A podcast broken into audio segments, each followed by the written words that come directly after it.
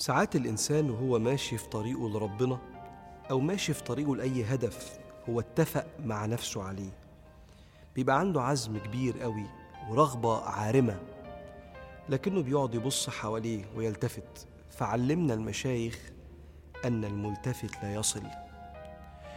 جزء من نجاح الإنسان إنه يركز جدا جدا زي الحصان اللي داخل في السبق فبيبقى ملبسينه حاجة تقفل على عينيه بس يبص قدامه حتى لا يلتفت لا للجماهير ولا للزرع حتى لو كان جعان عشان ياكل. فالملتفت لا يصل. سيدنا إبراهيم عليه الصلاة والسلام مر بثلاث مواقف في حياته حكاها لنا القرآن الكريم كان في قمة عدم الالتفات عن ربنا سبحانه وتعالى. عشان كده ربنا قال عليه على لسانه في القرآن إني وجهت وجهي للذي فطر السماوات والأرض حنيفا وما أنا من المشركين. هو مركز مع الله. الموقف الأول يوم ما سيدنا إبراهيم تعرض من قومه للقذف في النيران. هم مش عارفين يتكلموا معاه لأن حجته أقوى بكتير من حجتهم. ومش عارفين يلاقوا شيء منطقي دفعوا بيه عن عبادة الأصنام. قالوا حرقوه وبنوا له بناء ضخم كبير جدا جدا. كان يتخطف الطير من كتر ما بناء النار ده كان كبير كانت الطير تعدي النار تشفطه. وحبوا إن هم يحطوه في النار كده ما ينفعش حد يقرب فرموه بالمنجنيق. تخيل ويقال إن سيدنا إبراهيم كان تحت سن عشرين سنة وقتها. قالوا سمعنا فتى يذكرهم يقال له إبراهيم. وهو بيترمي جاله سيدنا جبريل كما يروى في كتب التفسير قال ألك حاجة؟ قال لا. أما لك فلا.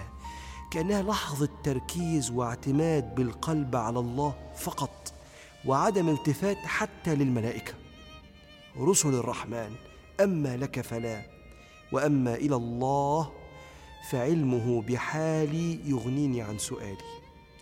هو مدرك اللي في قلبي. أنا في حالة صمت لن ألتفت إلا عن ذكر كان جوه سيدنا إبراهيم. قال لنا عليه النبي كان وهو في النار يقول حسبي الله ونعم الوكيل.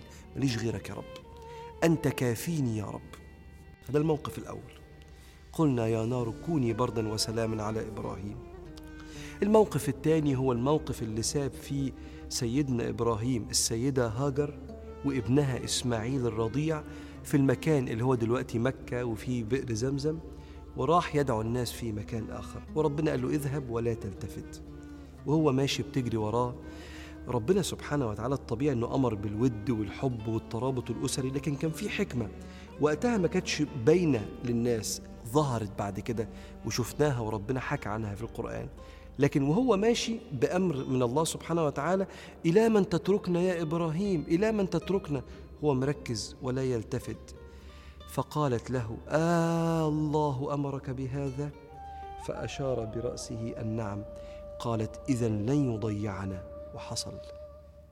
ويتفجر البير من تحت رجل سيدنا إسماعيل ويشرب العالمين ويتجمع الناس والقبائل عشان يجي من نسل سيدنا إسماعيل هنا سيدنا النبي عليه الصلاة والسلام من ولد إسماعيل وتيجي مكة بلد الخيرات. فلم يلتفت. المرة الثالثة يوم ما ربنا مواقف مش سهلة يؤمر بذبح سيدنا إسماعيل.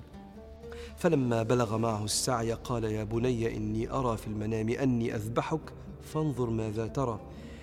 قال يا أبت افعل ما تؤمر مش ربنا اللي أمرك وإحنا هنجادل مع ربنا ستجدني إن شاء الله من الصابرين. فلما أسلم وتله للجبين. الرواية بتقول إن سيدنا إبراهيم سيدنا إسماعيل قال له خليني وشي للأرض عشان عينك ما تجيش في عينيا وأنت بتذبحني. فلما أسلم وتله للجبين حتى لا يلتفت لرحمة الأب.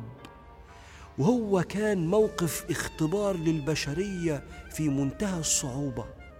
لكن برضه بعد كده ظهرت حكمة ربنا البالغة. ولسه هيبدأ يذبح ابنه حبيبه وناديناه أي يا إبراهيم قد صدقت الرؤيا خلاص. إنا كذلك نجزي المحسنين. سيدنا إبراهيم عليه السلام تأكد أن الأمر من ربنا. قدر الله في إلقائه في النار فلم يلتفت إلا بالتكال على الله. رقم اتنين أمر الله بتركه للدار وتركه لزوجته وابنه فلم يلتفت.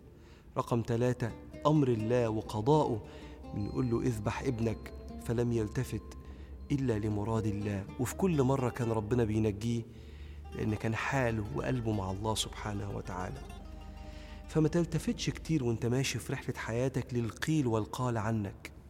اعمل الصح وربنا يكفيك كلام الناس اللي بيضيع الوقت. قال صلى الله عليه وسلم إن الله كره لكم قيل وقال. ربنا ما بيحبش كتر الثرثرة.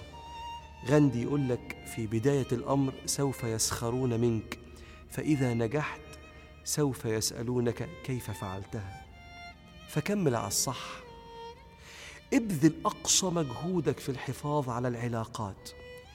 لكن اللي قدامك لو قرر إنه ينصرف عنك لا تلتفت. ده قضاء ربنا اسمه ونصيب.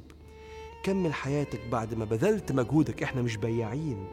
لكن اللي قرر بعد ما أنت بذلت أقصى مجهودك في الحفاظ عليه إنه ينصرف لا تلتفت. وما توجعش قلبك وتحرق مشاعرك على علاقة لم تكتب عشانك. وكل شيء اسمه ونصيب. وكمل في طريقك وطريق ربك وانت بتدعي كل يوم اللهم اشغلنا بما كتبته لنا واصرفنا عما صرفته عنا.